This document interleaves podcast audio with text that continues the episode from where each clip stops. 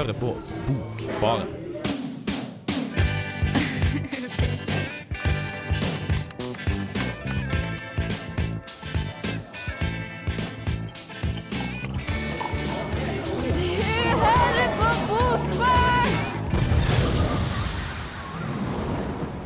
Det stemmer, du hører på Bokbarn. Og i kveldens sending så skal vi servere deg en god dose med dikt. Nærmere bestemt, så har jeg, Eline, lest om Lars Haga Ravland sin diktdebut 'Valfall'. Og Vida skal snakke om Sara Selmers 'Retiro'. Det skal jeg. Det skal du. Og i tillegg så har vi noen overraskelser til dere i kveld, kjære lyttere. Vi har nemlig diska opp med en helt ny spalte. Og det skal dere få vite hva er etter hvert utover i sendinga, men jeg kan love dere at det blir hett og kleint. Kanskje mest kleint, Vida? Fnis, sier jeg bare. Fnis. Men vi kan jo avsløre den andre overraskelsen vår, og han sitter i studio med meg og heter Sunny Islam. Og hva er det egentlig du gjør i Bokbaren, Sunny? Nei, jeg, jeg vet ikke, jeg bare forvilla meg inn i studio. Men, uh, men, jo, jeg er veldig glad i kiosk- og dolitteratur. Det er liksom det jeg spesialiserer meg i. Så jeg har lest en tegneserie, dere har kanskje hørt om han før. Uh, Donald Duck. Jeg tror kanskje at jeg har hørt at, at, at det er litt sånn uh, kjent. Ja, det er litt underground, da, litt, men uh, de, de, jobber seg oppover. Så jeg leste en Don Rosa-tegneserie som er ufattelig, ufattelig bra. Og den kommer vel senere. Ja, den skal vi få høre litt på. Men hvorfor uh, valgte du akkurat Donald? Nei, det er jo fordi det er, er, kanskje det jeg har lest aller, aller, aller mest. Og det er noe som sitter nærme hjertet. Jeg begynte å lese Donald Jeg tror det var det første jeg begynte å lese. Det var det som fikk meg inn i lesinga. Jeg gleder meg til å høre mer om hva du har å si om det. Men først så skal vi få høre Prefab Sprout med Cars and Girls.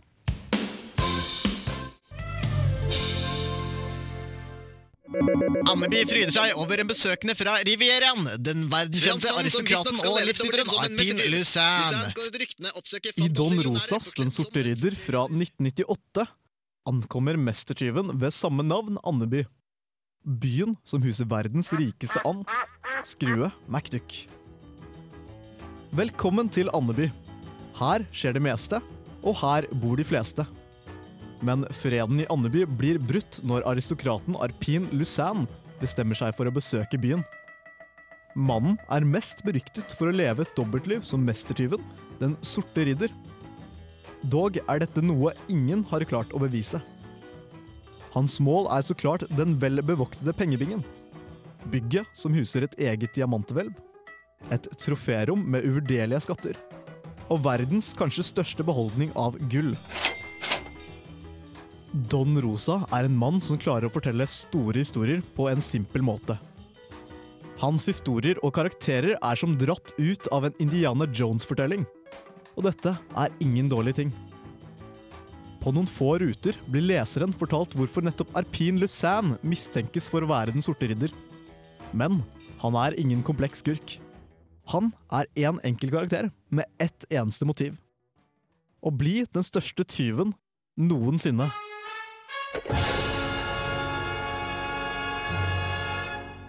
Den sorte ridder er uten tvil en Don Rosa-tegneserie.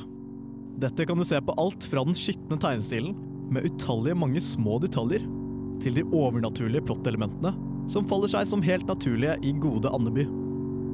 Put a circle with a, a engineering template and measure the eyes, each one uh, equidistant from the center. With this would be a 30 degree template and a 20 degree. So anyway, uh, I'm an extreme perfectionist. That's why it used to take me so long to do this sort of thing. Det er vanskelig å sette nostalgien til side når man skal vurdere noe man først leste som åtteåring. Men jeg liker å tenke på Don Rosas historier som tidløse fortellinger for allmennheten. Den sorte rydder byr på både det velkjente og det nye, og anbefales til alle som allerede er kjent med figuren i Andeby, eller ønsker å bli det.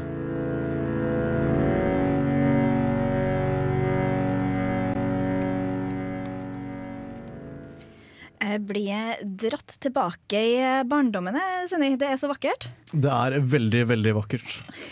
Men hva er det egentlig denne historien eh, 'Den sorte ridder' handler om? Ja, altså I saken så fortalte jeg jo bare at verdens beste tyv kommer til Andeby. Men eh, som dere kanskje skjønner, da, så klarer Den sorte ridder å entre pengebingen.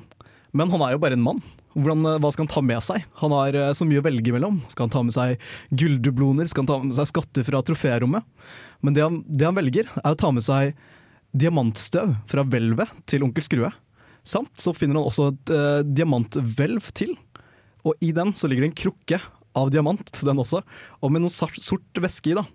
Det han finner ut senere, er at den sorte væsken det er verdens sterkeste syre, eller omnisolvus, som eh, Don Rosa forklarte som. Og den kan løse opp alt utenom diamanter. Så det han gjør, det er at han eh, tar diamanter på en rustning, og så maler han da rustningen med syren. Så da har han en rustning som kan gå gjennom absolutt alt. Så planen hans er å entre pengebingen og rett og slett løse opp alle pengene til McDuck. Han er ganske smart, han her. Ganske smart, ganske ond. Men uh, han er ikke ute etter lykkeskillingen, da, for det er jo det som alle andre er. med Nei, super- vet du hva, det, det er forbeholdt magika fra Trill. Det er bare overtro, tror jeg. Ja, jeg tror hvorfor ikke... er det egentlig forbeholdt henne? Fordi det må jo være den feteste tingen å ha i hele, hele verden. Ja, men det er bare magika fra Trill som kan eh, på en måte utvinne kreftene fra lykketiåringen. Altså, det, det, hun kan jo magi. Eh, denne sorte ridder kan jo ikke magi. Han er jo en, tydeligvis en veldig smart, intelligent mann som har lyst til å bruke vitenskapen for å gjøre hans men, dyder. Men, men onkel Skrue kan jo eh, nyttiggjøre seg av denne lykkeskillingen. Nei, vi, vi vet jo ikke det, om det er fakta eller faen. Han er jo veldig rik, da. Ja, men, det, han men han har jo teft òg. Han kan lukte gull. Tenk på det, det er jenter. Han hver- lukter gull. Ja, jo, men hver gang han mister den her lykkeskillingen, så, han jo, så begynner han jo å tape penger. Ja, så da kan han jo bruke Du, makten til jeg, jeg tenker at dette her kan være selektiv hukommelse. Sunny, du faller på din egen urimelighet, altså. Det er, Nei, det er teit å bli stemt ut der, men ok. Yes. En, et poeng til meg og Vida, null til Sunny. Takk for det. Um, men han her Don Rosa, da, som du er så glad i, hva driver han og produserer ting i dag, eller? Vet du hva? Eh, Don Rosa han eh, er veldig gammel i dag, og han har fått en øyesykdom. Så han kan ikke tegne lenger. Men han har fortsatt lyst til å tegne coveret for bladene, så det, det gjør han i dag. Men uh, denne Don Rosa, uh, har du lyst til å høre en fun fact om han? Ja. Han har ingen formell eh, tegneutdannelse. Han er nemlig utdannet byggingeniør. Oi, og det her vises i tegningene? Ja, det, han er veldig, som dere kanskje har hørt i saken, så er han veldig detaljert med tegninger. Og han bruker også ingeniørverktøy da, for å lage disse fantastiske panelene som han, han har. hva er et panel? Panel, en side med Et hus, eller? Nei, Nei, en tegneserieside, da. Skjønner Altså, en tegneserie består av flere ruter, eller paneler, om du vil. Kjære Ida. Nei, det gikk Vet rett over hodet mitt. Vida har hatt så mange fine gullkorn når det gjelder tegneserier opp gjennom Bokbarns historie, at uh, det her må du bare kjøre på med. Det, det blir god radio. Ja. Uh, men, men du snakka om Don Rosa, og jeg føler at det er litt sånn her fiendtlig mm, altså, Enten liker du Don Rosa, eller så liker du Carl Barks, som også er et veldig stort navn da, for Donald-entusiaster. Det, hvis, du, hvis, du, hvis du er donaldist, da altså en donaldist er da en fan av eh, Donald, som dere kanskje har skjønt, og tenker at du enten må velge Barks eller Rosa, da har du tenkt feil. Fordi Don Rosa er Barks arvtaker. Alt han har skrevet er basert på Barks. Uh, har masse fun facts om Donald, annet denne. Uh, visste dere at Skru MacDuck ble skapt av Carl Barks? Eh, Ja, nei. Nei. Nei? Ja nei? Kanskje. Å, det var spennende. Men um... Men altså, det gjenspeiles jo i Don Rosas fortellinger. Fordi i de aller fleste Donald-fortellinger så er det jo Donald og nevøene som er fokus. Men i Rosa-fortellingene så er det alltid Skrue som er fokus. vi skal begynne å avrunde her eh, donaldistiske eh, delen av sendinga. Men aller først, før vi gjør det Sunny, jeg vet, altså, du, du, ha, har jo, du kan jo den her fine sangen. Ja, for I saken din så, så hadde du sånn, sånn fint Ja. sånn sitat uh, her, Her er, eh, det, her er det de fleste bor. Og her bor de fleste, Ja. og her Kan gjør dere de nynne meste. bassen, så skal jeg synge noe sånn du, du, Det er sånn du, dun, dun, dun, dun, Jeg har jo aldri hørt det. Kom, bli med til Andeby, møte kjente Skrue Donald-folk og de Ja, Å, det er fantastisk! takk for meg. Takk Vi kommer tilbake til dere. Vi, vi skal først få høre Jukebox med Dunes.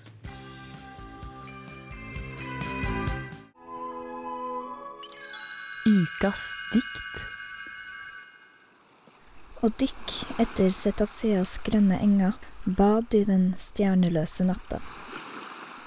Her er duggen tett og salt som blod. Jernsmaken ruster. Hvalen har ligget her lenge, et styrta romskip falt som enkelte arkivganger.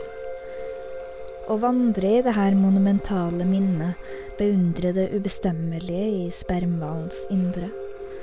Leik med tida som har kneppa den opp, spent av strømpebåndene, snørt opp hosene og løsna alle hekter og maljer som holder dens innerste knokler sammen. Slit den frem, sylinderforma, hard. Det her kjøretøyet for mine visjoner krasjlanda, råttent, et knirkende hestelass. Fire voksne kvartaler med død. Jeg bader i spermasettens indre. Skjult for månens lys, i skyggen av meg sjøl, umulig for gatelyktene å fange, og sammenligna med brostein er skatene myk som fløyel.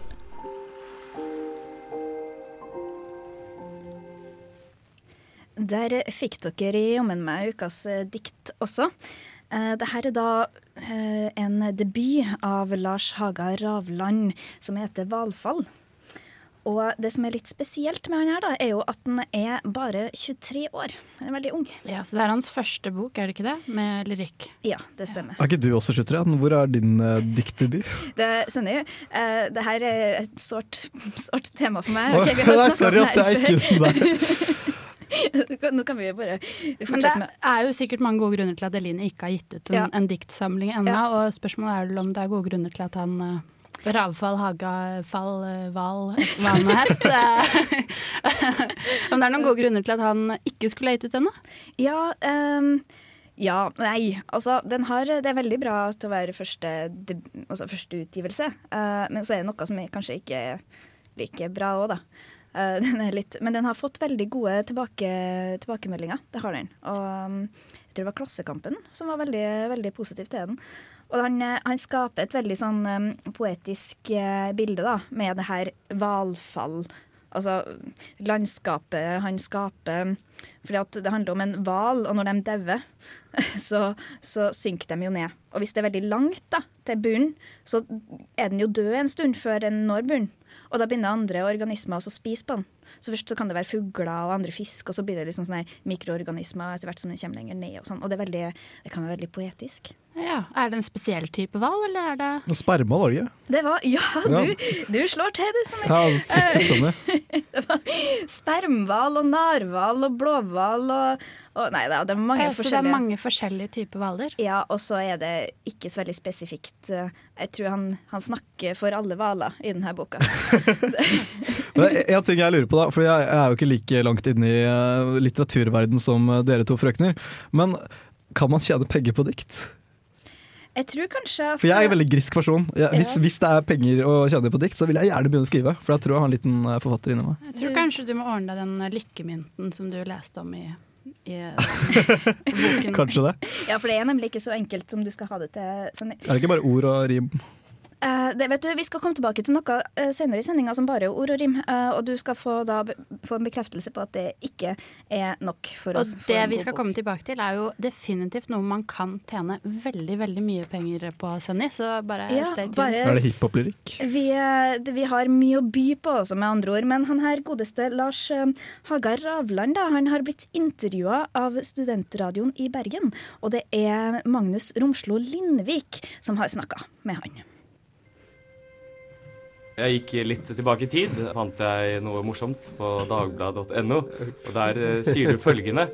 Jeg har funnet et nydelig dikt av Rolf Jacobsens 'Stavkirker'. Og jeg har funnet ut flere av livets mange mysterier, og har egentlig hatt det ganske bra siden sist. Nå er det seks år senere. Hvordan går det egentlig med Lars Ravvann? Og har du funnet ut av flere mysterier? Ja, det, det vil jeg si. Lærer, lærer stadig mer. Din debutbok den går uh, altså under navnet Hvalfall. Ble lansert nå i enden av 2011-2012. Opp fra hvalfallet så stiger en historie om to brødre som vokste opp i dette landskapet, og så faller en av dem. Men hva handler egentlig hvalfall om? Altså, et hvalfall er når, eh, når en hval dør, så bruker den lang tid på å synke ned på bunnen av havet. Og så er det sånn fisk, hai, fugler som spiser den underveis mens den faller. Og nede på havbunnen, når den endelig har falt til ro, så er det masse små mikroorganismer og bakterier sånn, som utelukkende livnæres av døde hvalfall. Og denne døde hvalen blir da på en måte sentrum i et nytt økosystem som, som, det kan ta opptil 75 år før det er helt borte. Poetisk og vakkert i seg sjøl. Så, så, mye av diktene kretser rundt det her. Men så er det en sånn parallellhistorie da, som foregår over vannet mer, med de her to brødrene ute på Hvaler i Østfold. Et slags forsøk på å, å, skrive de her to sammen, da. og kanskje hvordan man kan se på den her døde hvalen som en sånn container med, med levd liv, med minner. og det lyriske jeget i boka, som kanskje blir litt som det her bakteriene og sånn, som suger ting, minna, ut av den døde bror sin, eh, som blir et slags hvalfall. Hvordan starter man egentlig å skrive en bok som tar utgangspunkt i hvalen? Det var en tilfeldighet at jeg fant det her, og så syntes jeg det var et voldsomt sånn poetisk bilde i seg sjøl. Satte jeg meg ned og begynte å fråtse på Wikipedia, og så er det et veldig fint sånn Det her undersjøiske, det er et veldig fint eh, språk knytta til det. Så jeg følte meg veldig heldig som fant det. Stoffet ga veldig mye energi. Er det noe særegent med hvalen? Er den på en måte som et menneske? Jeg, jeg føler det, og så, er det et eller annet med den her vanvittige størrelsen som uh, fascinerende. Ikke bare meg, men jeg føler hvalen kan være litt menneskelig, altså. Greit nok er hvalen stor, men havet er jo vanvittig stort. Man kan jo se for seg hvalen som et slags sånn enslig romskip som driver og seiler omkring der nede. Sårbart. Du eh, nevner litt om sorgen i boka. Sorg er noe fascinerende greie. Alle må ta stilling til en eller annen gang, i en eller annen form, uansett. Man må jo sørge, men kan man sørge på en konstruktiv måte? Når, hvor går grensa, liksom, da? Hvor blir det sjukt å bare fortsette å sørge og sørge? Man trenger jo å gå gjennom det, men så kan det veldig lett tippe over å bli usunt da. Er det dette noe som både rammer eh, overflaten og underflaten? Det er klart, eh, sånn overflatemessig her, så, så, er det jo de her to brødrene. Sorgen er konkret til stede, mens under vannet så blir det mer en abstrakt størrelse, kanskje. Lars Rovans rare og utgrunnelige bok framstår som en eh, usedvanlig poesidebut, og han er et stort poetisk talent. Dette var ordene til eh, Tom Egil Verven i Klassekampen, en av mange positive omtalelser. Hvordan er det å debutere med sånne tilbakemeldinger? Det er stor stas. Det er klart, jeg har ingen problemer med å forholde meg til en så positiv anmeldelse. Når man har jobba hardt for noe, så, så, er det veldig morsomt å få anerkjennelse. Men uh, det skal man jo passe på å holde fetteren på jorda. Da. Tilbake til skolekammeret. Du ble månedens dikter der uh, av og til. Hvordan var det å kunne utvikle seg gjennom sånne kanaler? Forlengelse av det diktkammeret er noen fantastiske rom, på en måte, da. Selv om man er ung og sier mye dumt, eh, så er det på en måte diktene som står i fokus. Og, og, det er et alvor der da, som gjør at det uh, blir tatt på alvor sjøl i ung alder. Føler du selv at du har noe av den samme stilen du hadde på den tida, eller har du gått veldig vekk fra det? Håper jo at jeg har uh, modna, og det vet jeg at jeg har. Men, men det er et eller annet som, som går igjen, og det er den her vanvittige gleden man kan uh, føle ved å leke seg litt i språket, da, og ikke bevege seg så langt bort fra det som allerede fins, men så kan man flytte om på litt, og så, så blir det noe helt annet. Nesten tre år siden så var det nok en haug med møl jeg sendte inn. Jeg hadde kasta opp hvis det hadde blitt gitt ut. For det coverbildet av boka det er veldig eksplosivt, men samtidig veldig rolig. Det, det kler boka veldig godt deg. Jeg syns det ble et uh, jævlig fint cover tror det er Berg fra Glufsa, et sted på Kråkerøy, der mange av dikta finner sted. Både i bildet og i boka, det her, det her spennet mellom det rolige og, og, det eksplosive. Er du en uh, poetisk person?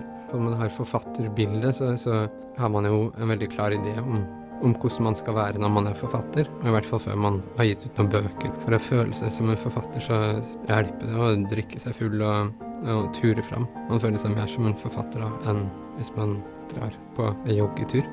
For meg så funker jeg føler ikke at jeg passer helt inn i den her forfatterklisjeen heller, da. Hva var det grunnen til at du uh, valgte poesi? Språk er viktig. Uh, man tenker jo i språk og alt. Det blir også skjønnlitteratur viktig, fordi det bidrar til å, å, holde språket levende, og på en måte til at det ikke stivner. Poesien hovedansvaret for at språket ikke skal stivne og bli til bare klisjeer.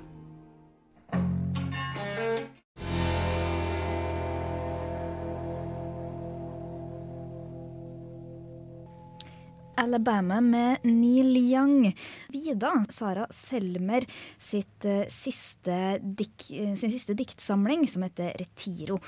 Og hvis jeg har forstått det riktig, så, så kom hun ut med, med sitt første diktsamling i 2000, og, i 2000, og den het 'Svimmel', var det ikke sånn? Eh, jo, det var 'Svimmel', og etter det så var det en bok som heter også dikt, 'Brytningsanomaliene'. Mm. Uh, og nå i fjor, da, kom Retiro på Aschehoug. Og det som jeg har forstått der, det som du gjør et litt sånn poeng ut av, er jo at det handler rundt en slags en park i, i Madrid.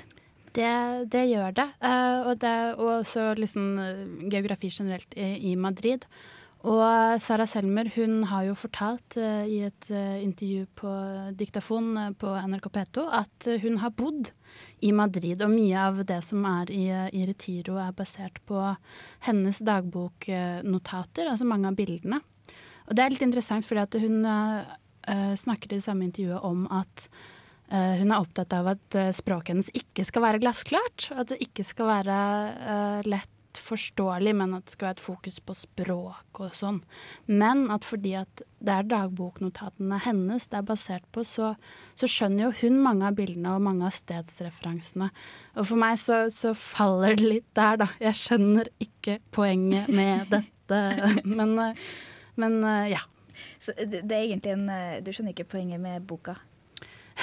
Nei, altså det er jo litt vanskelig, da. Altså, hvis man eh, har alpelue på snei og, og mm. rødvinsflasken under hånden og, og Blue Masteren i, i munnviken og, og syns at ting som er vanskelig bare for å være vanskelig, er kjempemorsomt, så tror jeg kanskje man kan finne en mening i det her. Men eh, ja. jeg slet litt. Så Selmer har eh, på en måte skrevet en bok for, for seg sjøl? Det kan hende. Det var helt sikkert ikke meningen, men noen ganger innimellom når jeg leser den, så føles det litt sånn.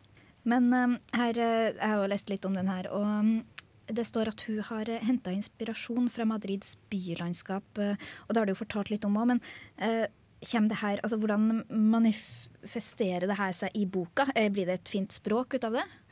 Og, og er det tydelig?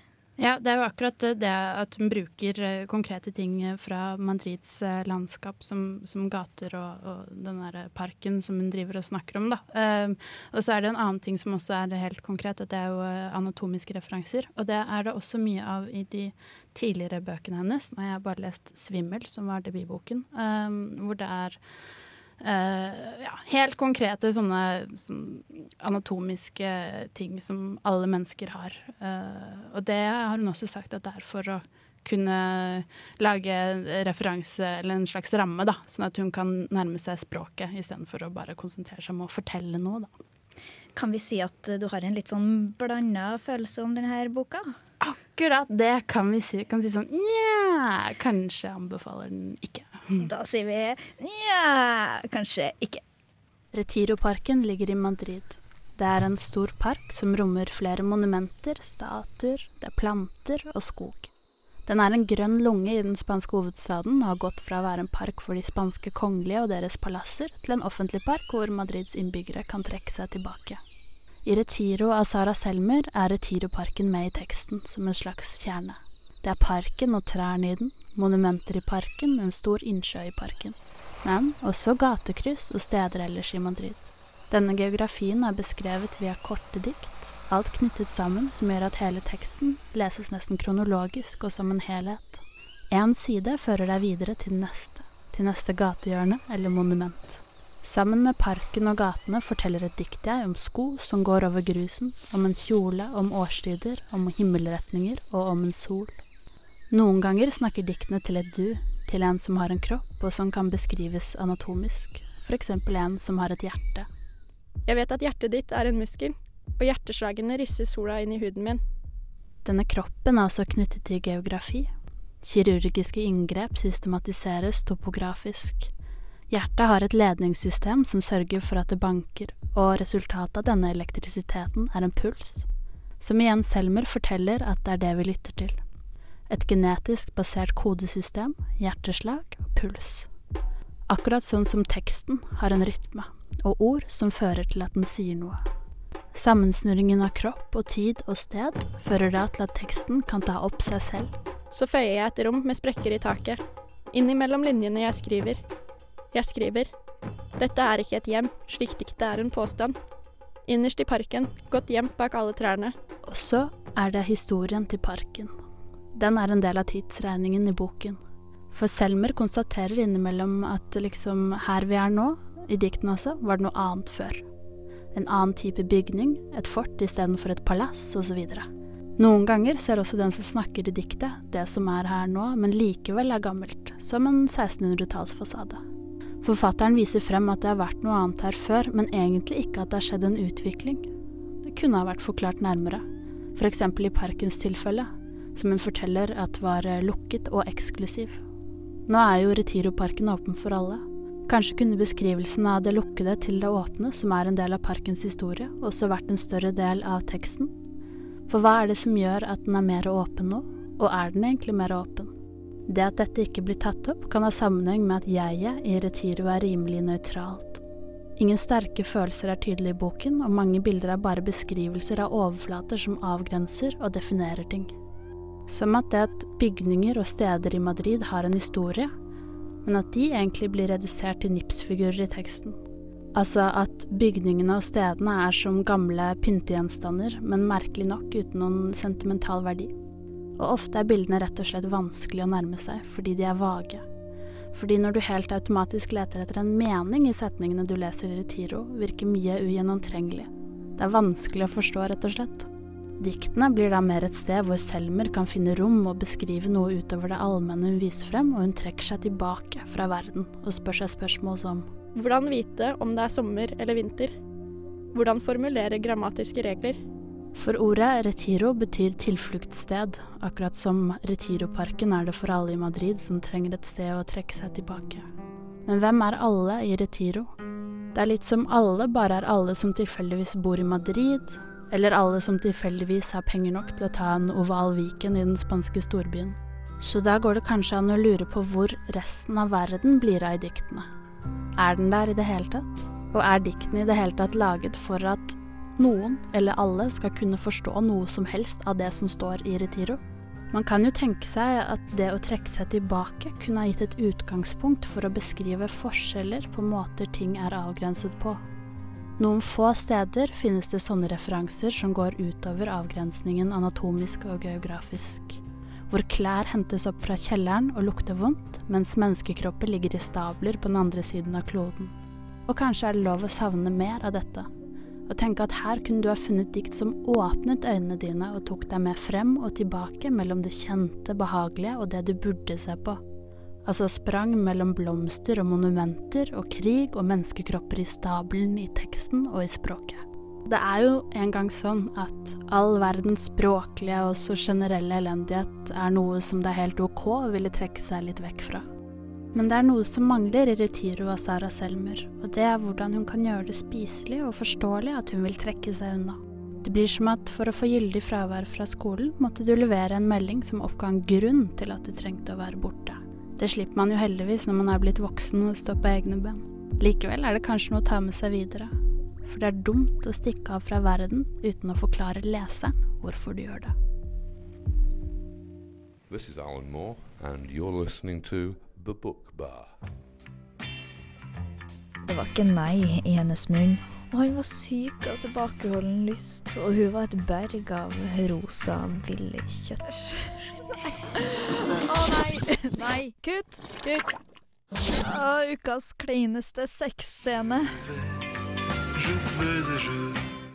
Oh, ukas kleineste Å nei. Å nei, å nei. det her er den andre overraskelsen, da, bare for å ha sagt det. Uh, vi har fått en helt ny spalte, og er ikke den fin?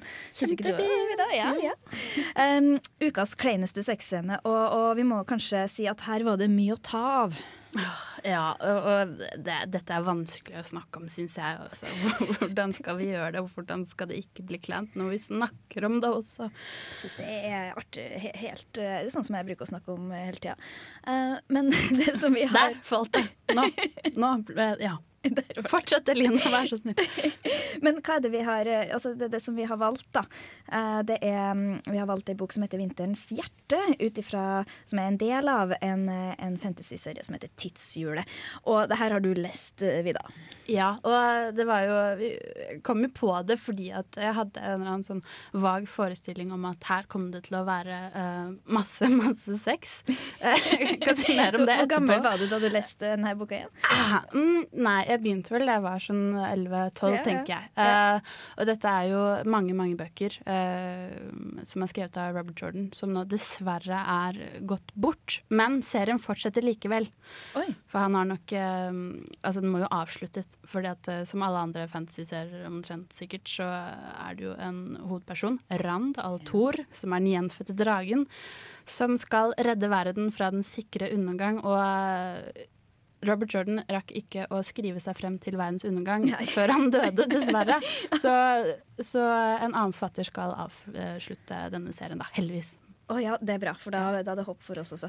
Ja. Um, men, eh, men det, og det, vi har jo, eh, det som skjer her da i Vinterens hjerte, det, det er at det blir, det, blir, det blir litt drama, kan man si. Uh, det, blir litt sånn eh, Det er mange personer som, som plutselig befinner seg i et litt sånn eh, firkantdrama. Ja, det, det er jo Randal Thor igjen, da, som er hovedpersonen i, i Tidshjulet. Som uh, selvfølgelig er en mann med masse makt og tiltrekker seg mm, en del ganske pene damer, da. Eh, egentlig nærmest sagt tre stykker, da. Som er Ja. veldig forskjellige. Det er en prinsesse, og det er en eh, krigerdame, og det er en eh, selvstendig guttejente. Da. Og alle vil ha han, og han vil ha alle tre, for han elsker alle disse jentene like mye. Åh, det er et hardt liv. Men eh, Så det ender opp med at han gifter seg med alle sammen, da. Det gjør det, det gjør det, og det er jo rett Det blir jo en happy ending, da, kan du, kan du si. Eh, Men hva er det som skjer når man eh, gifter seg med noen i denne fantasiverdenen? Nei, disse driver med magi, da, selvfølgelig. Og, og det som eh, skjer eh, når de bonder hverandre, det er at eh, de får en liten del av den andre personens følelser inne i hodet sitt, sånn at de til enhver tid kan kjenne hva hva hverandre føler. Altså da disse fire har liksom en connection hele tiden, sånn at eh, de merker hvis uh, Randal Thor er glad eller, eller opphisset eller ja. Oi, det her kan jo by på, på mange morsomme situasjoner. Og jeg har jo tatt med, tatt med et lite utdrag fra teksten, og det skal sies at den er veldig fritt oversatt av meg, for den var egentlig på engelsk. Eh, men, men det som er da, at dette er en av de, de her konene til Rand. Og um, hun sier at uh, hun brydde seg ikke om å tenke på Elaine, som er den andre kona, eller Avienda, som er den tredje kona. Det, var, det som befant seg i hodet hennes, var for vidunderlig. Det var Rand. En liten ball som fortalte alt om han. Hvordan ville det være å elske med han etter det her, når hun nå visste alt? Han ville selvfølgelig vite alt om henne òg, og hun var definitivt ikke usikker på hva hun mente om det. Og så Vida, skjønner, begynner det å skje ting. Plutselig merket hun at følelsene og sensasjonene forandret seg. Det var et rødt utbrudd ved, et rødt utbrudd ved det nå, som ild herjende gjennom tørt skogkratt. Hva kunne? Og lys! Han snu, hun snublet nesten. Hadde hun visst at denne kraften, denne voldsomme sulten som var inni han, ville hun vært redd for å la ham røre ved henne. Men på en annen side, det kunne jo vært fint å vite hva hun hadde satt i gang.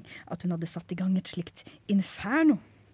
Ja, eh, så, så den her det er bare en smakebit på hva, hva du kan få eh, om, du, om du leser eh, 'Vinterens hjerte'. Og, og vi, vi er jo spent, vi. Altså, vi syns, syns det er fint, det. Ja, men så var jo poenget det med at eh, i Real Time så er det jo egentlig nesten aldri noen utskrevne sexscener, og det er jo Eh, Som jeg sa, så hadde jeg en forestilling om at det var veldig mye sex i disse bøkene, og da har vi jo rett og slett bare kommet fram til at Robert Jordan, som har skrevet disse bøkene, er antydningens mester. Ja, det har, eh, Hvis det har kommet frem én ting ut av de her eh, utdragene, så kan vi jo si at han skriver veldig subtilt. Det er så subtilt som det kan bli. Ja. Men eh, du har en eh, sånn helt på tampen en veldig artig eh, historie om, om eh, noen som hadde også god erfaring med de her bøkene, da. Ja, det var nok en som hadde tenkt seg videre da, fra hva som skjer her. For jeg googlet nemlig Winter's Heart og, og, og sexscener, og da kom det opp en en amerikansk jenteblogger, typisk litt sånn svart bakgrunn og sånn triste ting rundt omkring på siden og sånn. Og så hun hadde skrevet en post om hvordan eh, Wheel of Time hadde vært hennes eneste seksuelle referanse i mange år. Og hun skammet seg ikke, men var egentlig ganske fornøyd med det. Jeg tror det blir spennende å se hva den fremtidige kjæresten hennes mener om det her. Nå skal vi få høre 'You're Not Pretty But You Got It Going On', passende nok, av Band of Skulls.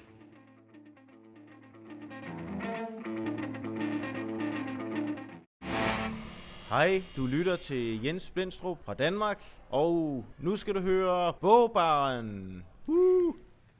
Ja, du hører på Bokbarn på Radio Revolt. Oi, oi. og vi kjører en eh, sending fullt av kvalitet og kleinhet, og vi er ikke ferdig enda. Og godt er det. ja. Du skjønner at um, det, er kommet, eller det skal komme ut en, en, enda en diktsamling eh, fra forlaget Oktober. Den heter Kåte dikt. Ja, dette er jo noe litt annet enn andre ting vi har anmeldt fra oktober før. Det kan du si. Eh, litt annen linje. Føler du at de på en måte Kanskje de, har, um, kanskje de trenger penger, rett og slett, som Sunny var inne på tidligere? Ja, ellers så Ja, jo, det er kanskje penger de trenger, forresten. Ja, jeg, vet, jeg skjønner ikke hva de trenger egentlig med å gi ut dette her, men ja. Sex selv, vet du. Gjør de det? Eh, det er det jeg har fått inntrykk av. Ja, jeg har ikke kjøpt Nei. jeg har ikke det. Oh, nei, men bare for å gi, et litt, um, gi dere, kjære lyttere, et uh, litt innblikk da, i, i hva det her går ut på, og hvor kleint det faktisk er. For det her er kleint, altså. Boka heter 'Kåte dikt' og er skrevet av Christian Refsum. Uh, og, og den, blant annet så går det sånn som det her. Hva er det vi kommuniserer når vi kysser, føler og vibrerer, går i svart og ejakulerer? Det denne boka kan kanskje gi, er et utdrag til kroppens filosofi. Om hva vi fornemmer, men ikke vet om sex, død og kjærlighet. I kåte stikk og gnistrende blikk fins kimen til bokens metafysikk. ja, Oi, oi, oi.